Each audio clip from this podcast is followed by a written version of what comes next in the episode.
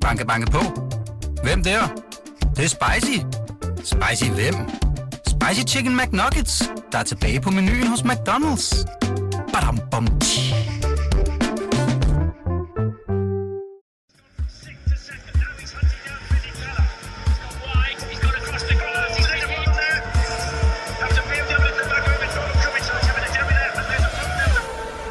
Velkommen indenfor her i studiet i Pilestræde hos BT. Du lytter til K-Magazine, podcasten om Formel 1, motorsportens kronjuvel.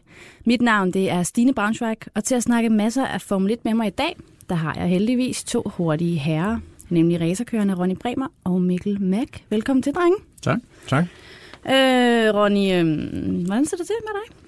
Det står nogenlunde til. Vi har lige kørt løb igen i weekenden. Det blev den første terror, så det gik nogenlunde.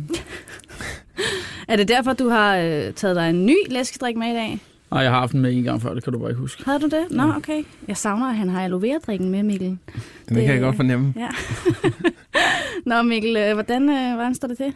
Jamen, jeg har haft en friweekend den her weekend. Ja. Så den har stået i familiens tegn, så det har været rigtig dejligt at få set alle i familien. Du har været smut øh, nede sydpå, eller hvad? Det har jeg i hvert fald. Ja. Øh, og konfirmation både på Falster og i København, så der har været nok at se til konfirmationer. Har du været til konfirmation, Ronny? Nej, jeg har været til racerløb, Du så bare jeg været til må springe over min søsters knækskurter, så jeg konfirmeres, men det passer ikke lige ind i. Sådan er det jo tit, at familien de må stå lidt til siden. Ja, sådan er det jo. Øhm, drenge, inden vi lige sådan for alvor øh, tager hul på, på dagens emner, som jeg jo selvfølgelig har, har udvalgt til i dag, der synes jeg selvfølgelig lige, vi, øh, vi kort skal vende det, der skete øh, natten til tirsdag. Øhm, for det er jo naturligvis Niki Laudas død. Den legendariske Formel 1-kører og personlighed jo vel også øh, døde, som sagt, natten til tirsdag i en alder af 70 år. Øh, Ronny og Mikkel, en sørgelig nyhed, der selvfølgelig øh, rammer sporten. Øhm, og jeg er jo jeg er jo en lidt anden generation end dig i hvert fald, Ronny. Tak, tak. Øh, det skal ikke være nogen hemmelighed. Øhm, så, så Niki Lauda for mig, han var jo også, det var jo også myten om Niki Lauda og alle fortællingerne, der fulgte med. Hvem var han for dig? Jamen, Nick Lauda var jo en stor kører, altså både på banen og uden for banen, og det synes jeg også, øh, selv i hans sene alder her, han ikke lagde skjul på, hver gang der var et eller andet, så sagde han jo lige ud, at nu skal de skulle tage sammen, vi skal tilbage til det kørende, der skal noget mere og sådan noget andet. Så han, han havde altid en god holdning, synes jeg, til hvordan tingene skulle være, øh, og kunne sige dem lige ud, så det ikke blev bundet ind i alt muligt politisk, som det jo ellers øh, tit bliver gjort i Formel 1.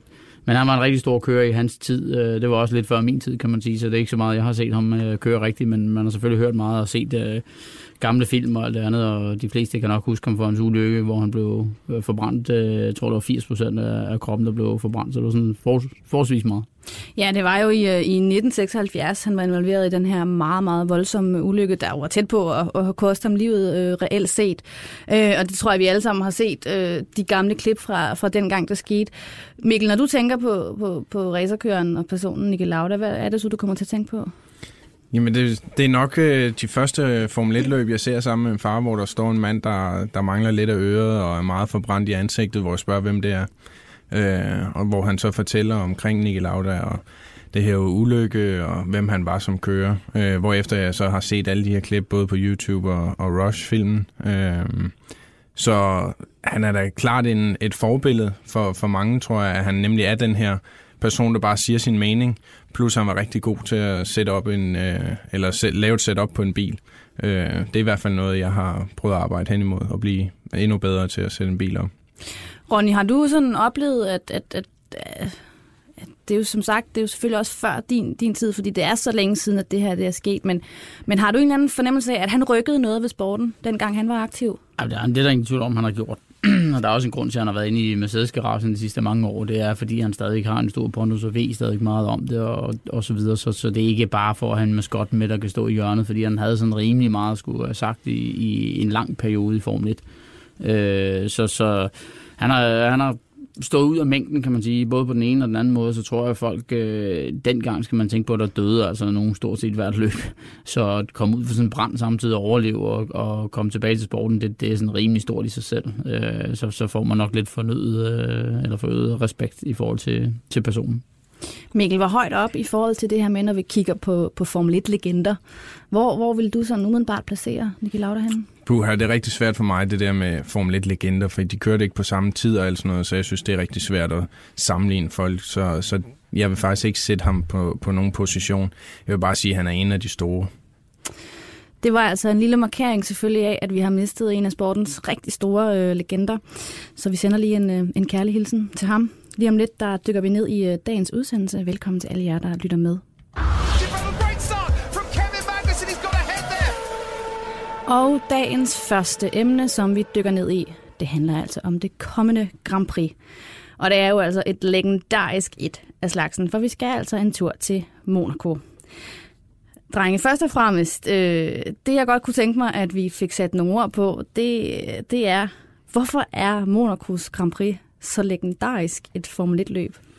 Jeg tror, at en del af det er et rigtig gammelt løb, og det er en bybane, som bare er rigtig svær at køre på og kræver meget af kørende, og det er tæt for publikum. De kan se meget af det. Det giver en helt anden atmosfære, når du er på, på en bybane.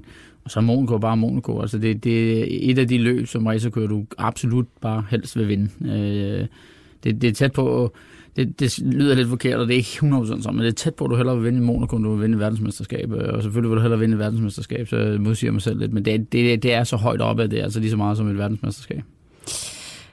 Mikkel, hvis vi bliver lidt praktiske, øh, fordi det er jo selvfølgelig en, en legendarisk og historisk øh, bybane. Altså, men, altså helt konkret, hvad, hvad, er det for, hvad er det for en type løb, Monacos øh, Grand Prix? Jamen, når vi kigger på det i fjernsynet, så, så er det jo faktisk rimelig kedeligt øh, ofte. Øh, men, men jeg synes, at øh, selve stedet og historien, øh, det, det er det, der gør Monaco-løbet til at, at være det her øh, store løb. Ja, nu siger du det selv, at det er jo faktisk ret ofte, det kan være et ret kedeligt løb.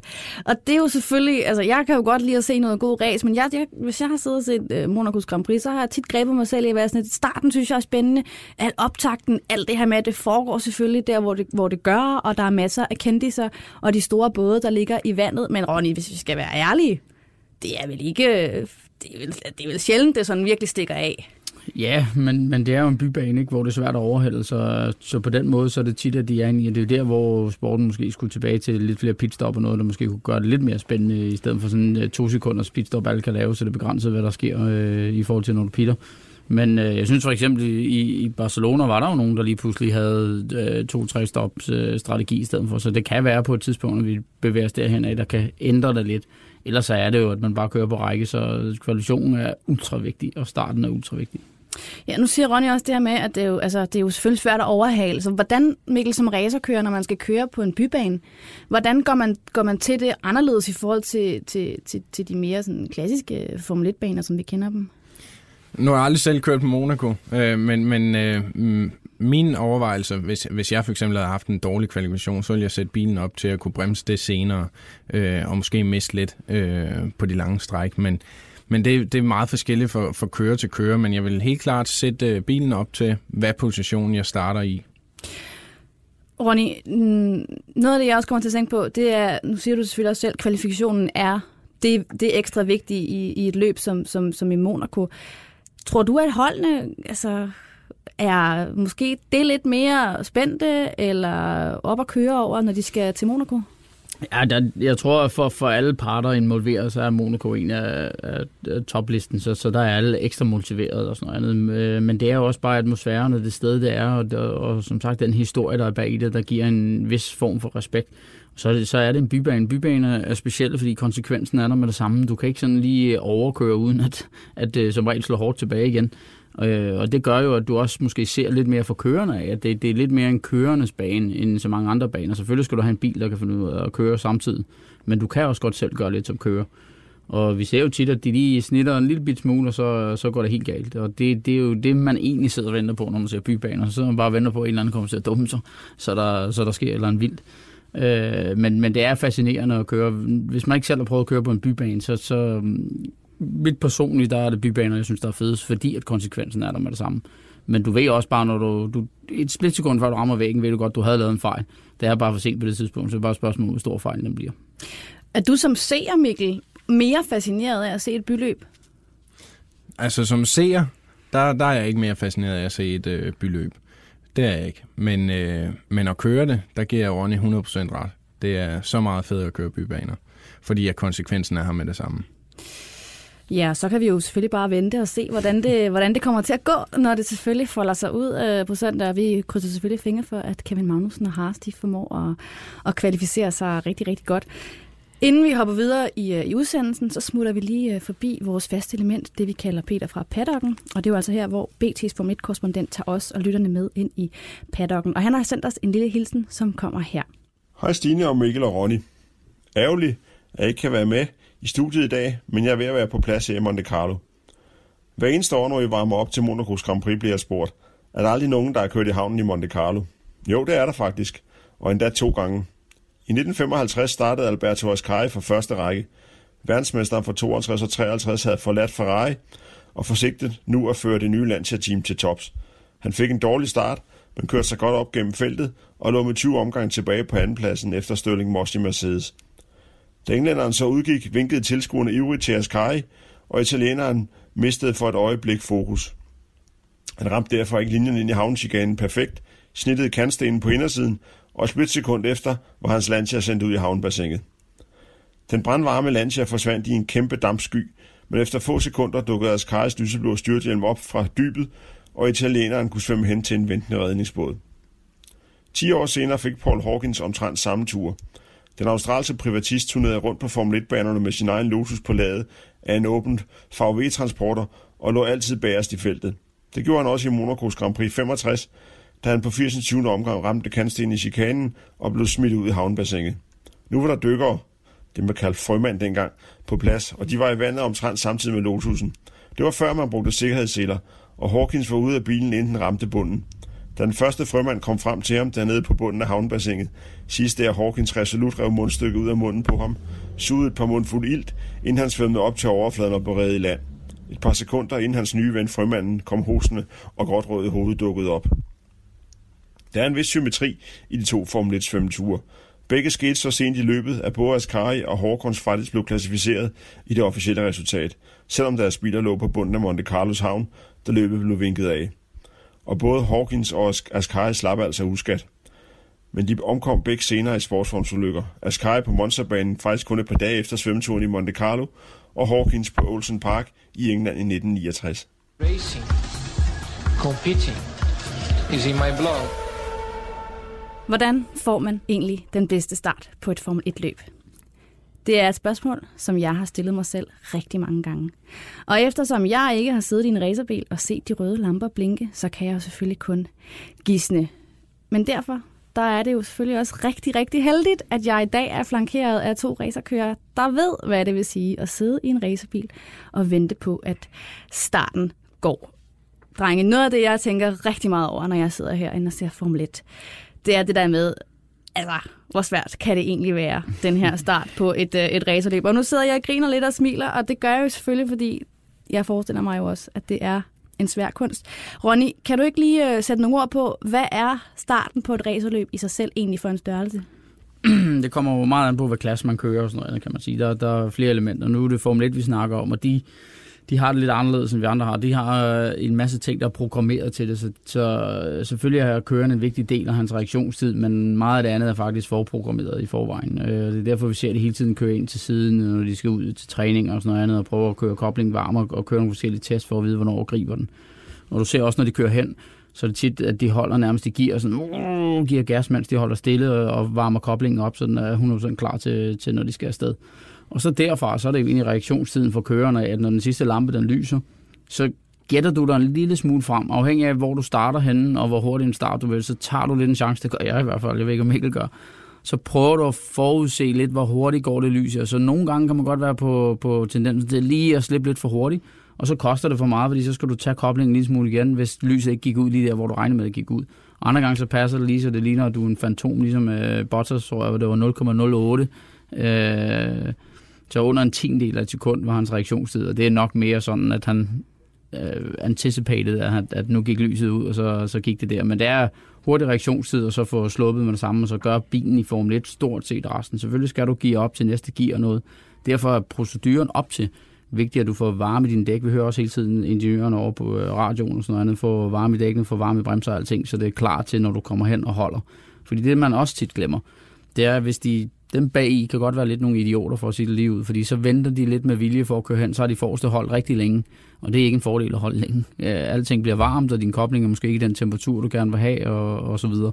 Så der er mange ingredienser egentlig, man ikke lige ser. Man tænker, det er bare øh, 20 biler at køre hen, og så, og så kører de igen, men der er rigtig mange ting, køreren kan gøre forskel der, for at sørge for at være så klar som muligt.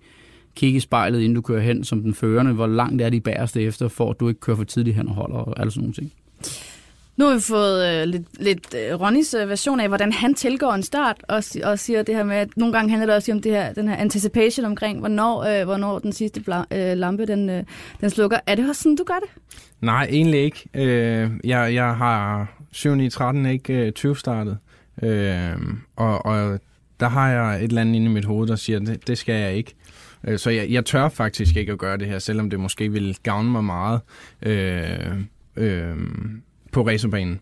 Men, øh, men jeg kan sagtens se fidusen i det. Ronny, du var lidt inde på det før, øh, og du siger selvfølgelig også det med, at det handler jo selvfølgelig om nogle, også nogle tiendedele af et sekund. Men, men, men for os, der måske ikke er så vildt teknisk begavet, når det kommer til, hvordan en, en racerbil er sat op. Kan du så måske prøve at forklare mig, hvorfor er det der så svær en kunst? Hvad er det for et samspil, der skal, der skal fungere? Jamen det er jo som sagt det her samspil med, hvor meget greb har du i banen, hvor meget greb har du i din dæk og sådan noget. Tit så, så holder du på din position, så får du en grønfladsopgang. Der er der også om at lave ordentlig burnout på det rigtige tidspunkt, for at sørge for, at du lægger noget greb ned i banen, så når du kommer rundt næste gang, så er der noget greb nede i, i banen der, hvor du skal starte. Men du kan også godt få din dæk for varm. Det vil sige, hvis du laver for meget hjulspænd, så har du bare en overfladetemperatur på dækket, der er for varmt. Så føles det som om, at der er godt greb. Og i det øjeblik, så slipper koblingen, så fætter den bare i stedet for, fordi hjulene ikke kan tage fat, og så spænder de bare i stedet for. Og det er også det, vi ser nogle gange med nogle af dem, at de kommer godt afsted lige det første par meter, og så begynder de at lave hjulspænd, og så er det, du har tabt starten.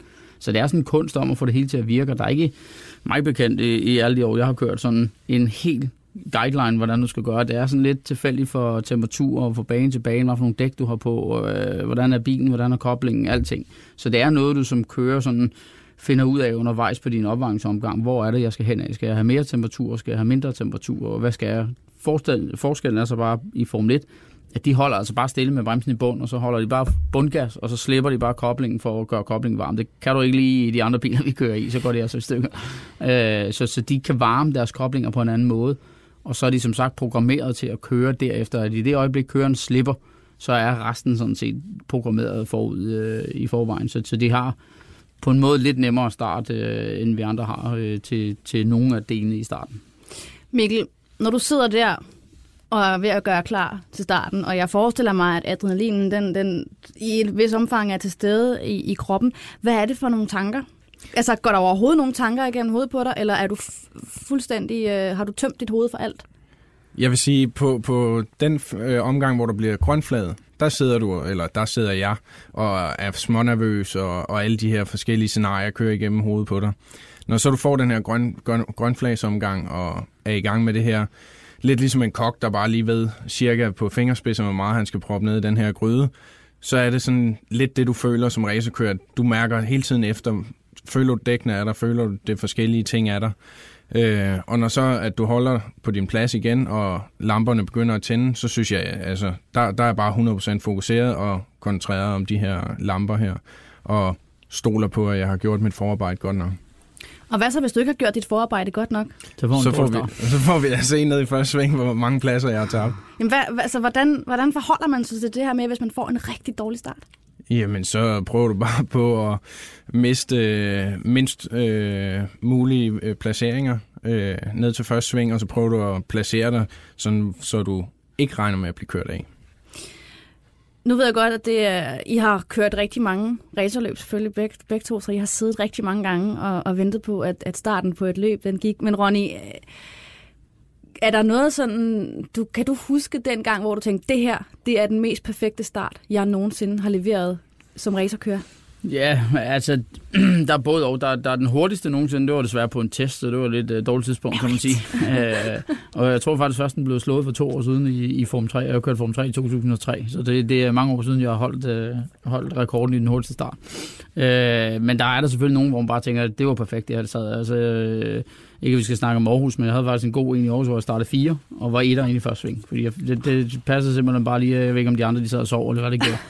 nej, nej, det var da dig, der var øh, helt... Ja, men det passer lige med ikke for meget julespind og, og masser af momenter. Og, og det er, som jeg siger tit, de her biler her, du kan godt få en god start lige på din reaktionstid, men hvis du så får lavet for meget julespind, så er det bare det er rigtig svært at stoppe igen. Så, så det er ikke altid, at den, der har den hurtigste reaktionstid, også er den, der får den bedste start. Det er hele startproceduren, der skal sidde lige i skabet, og det er klart, at erfaring gør det måske lidt nemmere med tiden, øh, at der er nogle ting, man har. Øh, og så, så for de unge er det meget også, hvor nervøse de er. Der, der kan man sige sådan noget som Monaco og sådan noget, der er de måske ekstra nervøse i forhold til så mange andre steder, og det, øh, det er jo der, man skal prøve som kører, at lade være med at lade nervøsiteten overtage, men nervøsiteten skal også være der til at skubbe dig den rigtige retning, fordi hvis du ikke er nervøs, inden du starter, så tror du, du skal være med at køre racerløb, efter min mening.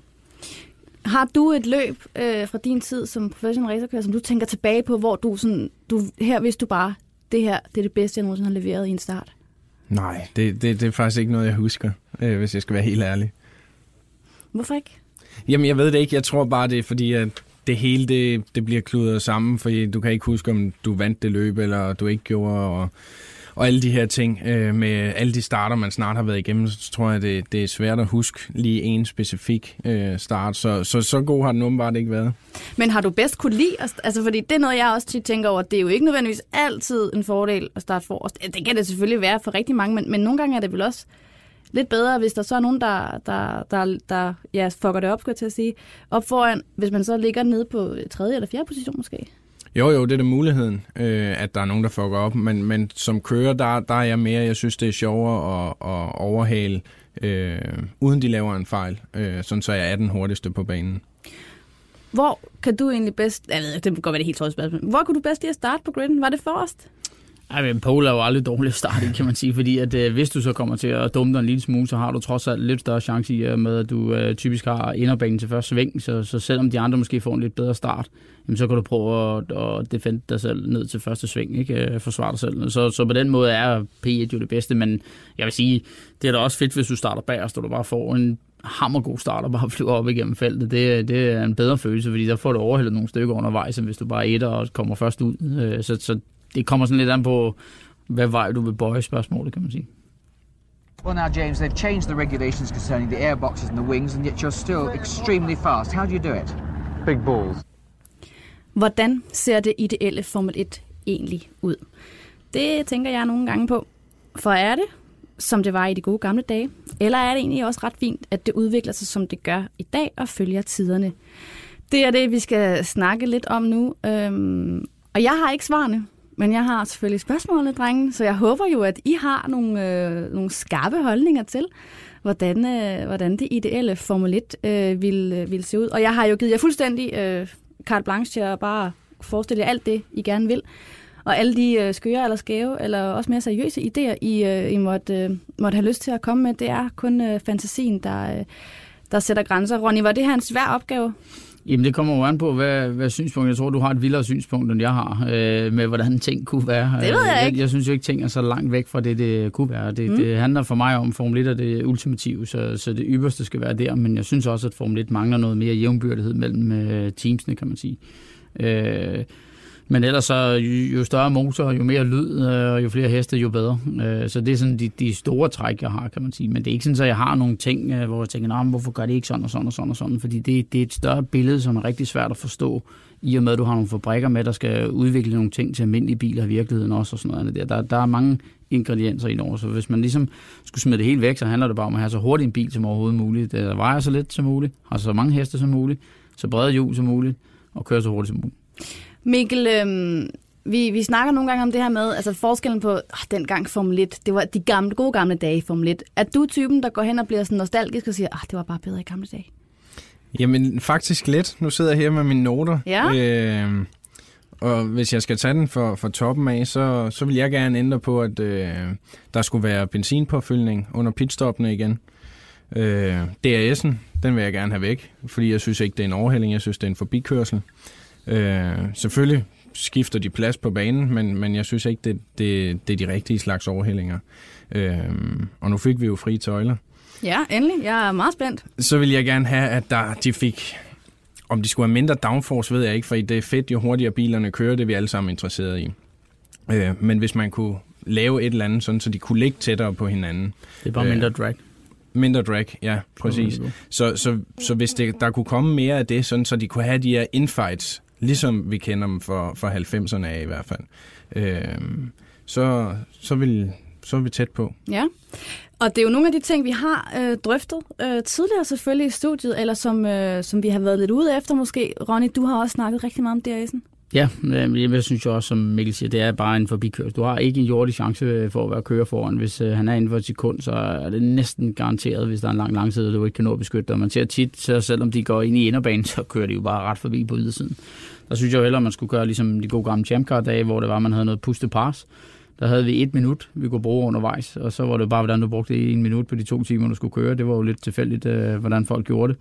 Og det var sådan en lidt mere færre måde at gøre på. Så fik du 50 heste ekstra, men det var ikke sådan, at du bare kørte 20-25 km i timen hurtigere, som de gør nu, øh, når DRS'en den åbner. Og så på den måde, så kan du sige, at du skal køre dig til at kunne være bedre end den anden. Nu synes jeg nu, at det tit, at hvis du kan køre dig til at bare være inden for det sekund, så får du en masse ting gratis for ærne hele tiden, hvor du egentlig kan ligge og spare benzin på det rigtige tidspunkt og sådan noget andet, og så kan du køre. Så alt det der benzinspar, det glemte jeg at sige før, det skulle også bare ud af Ja. vinduet, og så lad os få noget refueling igen, for at gøre det mere spændende. Noget, noget mere pitstop, mere spændende, og jeg tror, jeg har sagt det tidligere, jeg tror også, at, at organisationen snart begynder at smide nogle flere safety car ind og sådan noget der, fordi det bliver for kedeligt bare at se bilerne køre. Det er pisseirriterende, som kører, men bare smide nogle flere safety car på banen, så vi får samlet feltet op igen, så der sker noget.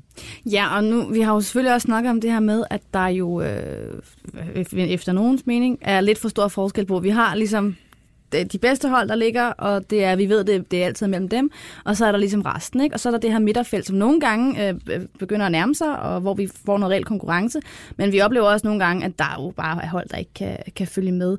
Og det handler jo ikke, selvfølgelig igen om, også om, hvor store er holdene, hvor mange penge har de, og hvor mange kræfter har de til at smække i det her projekt.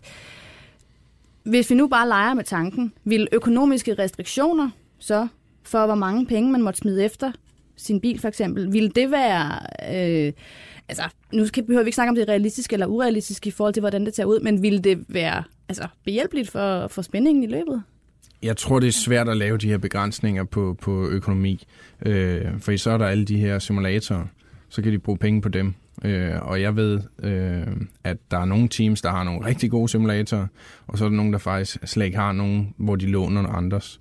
Øh, så, så jeg tror, det er, det er svært at lave det her med økonom, økonomiske begrænsninger. Desværre, mm. for jeg vil også gerne se hele feltet tættere. Ronny, hvad siger du? Fordi vi har jo også nogle gange, der, er der er jo selvfølgelig også nogle gange noget kritik af Formel 1, hvor man siger, ja, ja, men det, uanset hvilken kører du vil sætte ned i en Mercedes bil, så vil, øh, så vil vedkommende nok vinde løbet. Nok ikke uanset, men er det, er de øh, kører, der er der, så vil størstedelen selvfølgelig. Og der, der er jo noget der, men Formel 1 har bare altid været sådan. Det er det, man skal huske. Hvis man vil have det ypperste, så, så vil de bedste hold altid bare være bedre end de andre. Hvis man tog, øh, det var også det, man gjorde i Champ Car for eksempel, der var det ens bil og sådan noget andet der. Og det kan lyde meget godt til at starte med, og det er også det, vi ser i flere serier, blandt andet DTC i Danmark også og sådan noget der. Men fordi bilerne er ens, er jo ikke ens betydende med, at du ikke som gode teams har nogle bedre muligheder for at forberede dig eller sådan noget andet, end de andre har. Det vil sige, du, du skaber ikke ved at bare sige, nu skal det hele være ens. Så vil der stadig være nogle teams, der er markant bedre end de andre. Og det, det er egentlig der, hvor man skal passe på, at man øh, skiller den rigtige vej, og så siger, okay, der hvor man måske skal spare på pengene, det her er det ikke unødige penge, der går til, eller en fuldstændig sindssygt, som, som det er nu. Og det kunne de jo bare starte med at kigge på alle de motorhomes, de har inde i, inde i pitten. Der bliver brugt flere penge, end hvad, hvad øh, hele de sæsoner, mig og Mikkel kører til sammen, ja, alle teamsene bruger. Det bliver bare brugt derinde i pitten, så mange penge bliver der brugt. Så der kunne vi starte med at spare, kan man sige. Men, men jeg synes jo, jeg synes stadigvæk også, at du skal belønnes for at være det bedste team og for at gøre noget bedre end de andre. Og det, det skal man passe på, at man ikke øh, gemmer væk, især i Formel 1. Men man har jo i, i nogle typer af sportsgren, jeg tror, altså nu uden at jeg overhovedet er nogen øh, gør mig klog på, på et, en sport som NFL, men der er jo noget med den måde, draften er indrettet på, i forhold til at, netop at give også de lidt mindre hold en, en fordel. Altså kunne man ikke også måske lave nogle tiltag, der, der, der trods alt gav de mindre hold en chance? Ja, det, det, det er et rigtig svært spørgsmål. Øh, for I, så, så skulle der være en eller anden slags roeklasse, øh, og så skulle de sidde og vælge, men der er jo tit i Form, Formel 1, hvor de har ikke brug for nogen kører, mange af teamsene. Øh, så der kommer to ind eller tre ind om året. Øh, og det, det er jo en sjældenhed øh, nu til dags, at der kommer hele tre ind per år. Øh, så jeg tror, det er svært at lave sådan en draft med, med, med sådan noget. Hvad siger du? Jamen, jeg tror, det hvor de kunne gøre en forskel, og det, det grin Peter, og dengang jeg sagde det der, det var jo netop, at dem, der var bærs, var faktisk dem, der fik flest penge i et år, fordi der er ikke nogen, der vil med vilje køre langsomt, mm. men det vil måske gøre, at nogle af de teams, de kunne vokse noget mere til året efter, øh, men sådan tror jeg aldrig, verden bliver indrettet, men, men de har jo brug for nogle flere penge, de små teams, så vil de også kunne gøre noget mere, og det er jo der, hvor man kan se, med Haas blandt andet og sådan noget, de, de får faktisk meget ud af de i gåsøjne få penge. Det er rigtig mange penge for os andre, men det er få penge i forhold til, hvad man sidder så Ferrari og sådan noget bruger. Og det er jo der, hvor det kunne være sjovt at se, okay, hvis vi giver 200 millioner mere til et eller andet team, der ligger nede i bunden, hvor meget kunne de så udvikle sig til næste år? Så måske der skulle sidde sådan en komité, men man ved også godt, at det bliver nok lidt øh, korrupt i den sidste ende, men, men så kunne det være fedt, hvis der sad nogen og uddelte en ekstra bonus til et team, man synes, der har gjort det godt, for at se, hvor meget kan de så vokse året efter, og så på den måde måske prøve at gøre det lidt mere spændende. Mikkel, hvis du øh, øh enrådet fik, øh, fik lov til at vælge én regel for Formel 1, som du måtte afskaffe, er der så en, øh, en regel, der sådan lige øh, popper op i, i hovedet på dig, som du er træt af? Det kunne være DRS. jeg skulle til at sige DRS'en, men, men jeg vil, vil faktisk sige uh, benzinbesparelse. Ja. Ronny? Ja, men det, det, jeg tror faktisk, det er der vil gøre forskel på benzinen, så jeg siger DRS. Jamen, så lad os sige, at DRS og benzinbesparelse, det er ud af Formel 1 i fremtiden.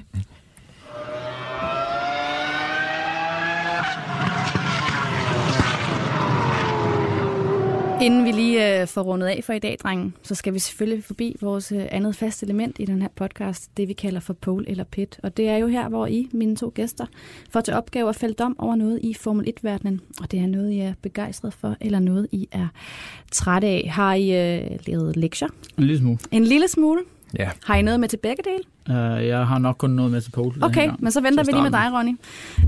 Uh, Mikkel, skal vi så ikke lægge ud med din pit? Min pit? Det er Formel 1-banernes øh, nye asfalt, øh, som Formel 1 øh, kræver af de baner, de kører på. Den er jeg rigtig træt af, specielt når vi kommer i andre biltyper. Øh, fordi at det, det gør, det er, at øh, asfalten er meget tættere pakket, så det er fantastisk god grip, øh, når vi kører. Men hvis det begynder at regne, så ligger vandet sig ovenpå det her asfalt, så det løber ikke nogen steder. Og så kører du ovenpå det, du kaldte, jeg kan ikke huske, hvad Akvaplanen. Ja, ja. Og så kører du nemlig oven på vandet, øh, og så har du ikke kontrol over bilen. Mm. Øh, og der skal ikke regne særlig meget, så akvaplaner du. Og altså man kan hurtigt sige, ah, men de piver lidt over, at de skal køre i regnvejr. Men det her asfalt gør det bare, at hvis øh, de kører 80 km i timen, så ryger du bare af. Øh, så, så det er jeg rigtig træt af.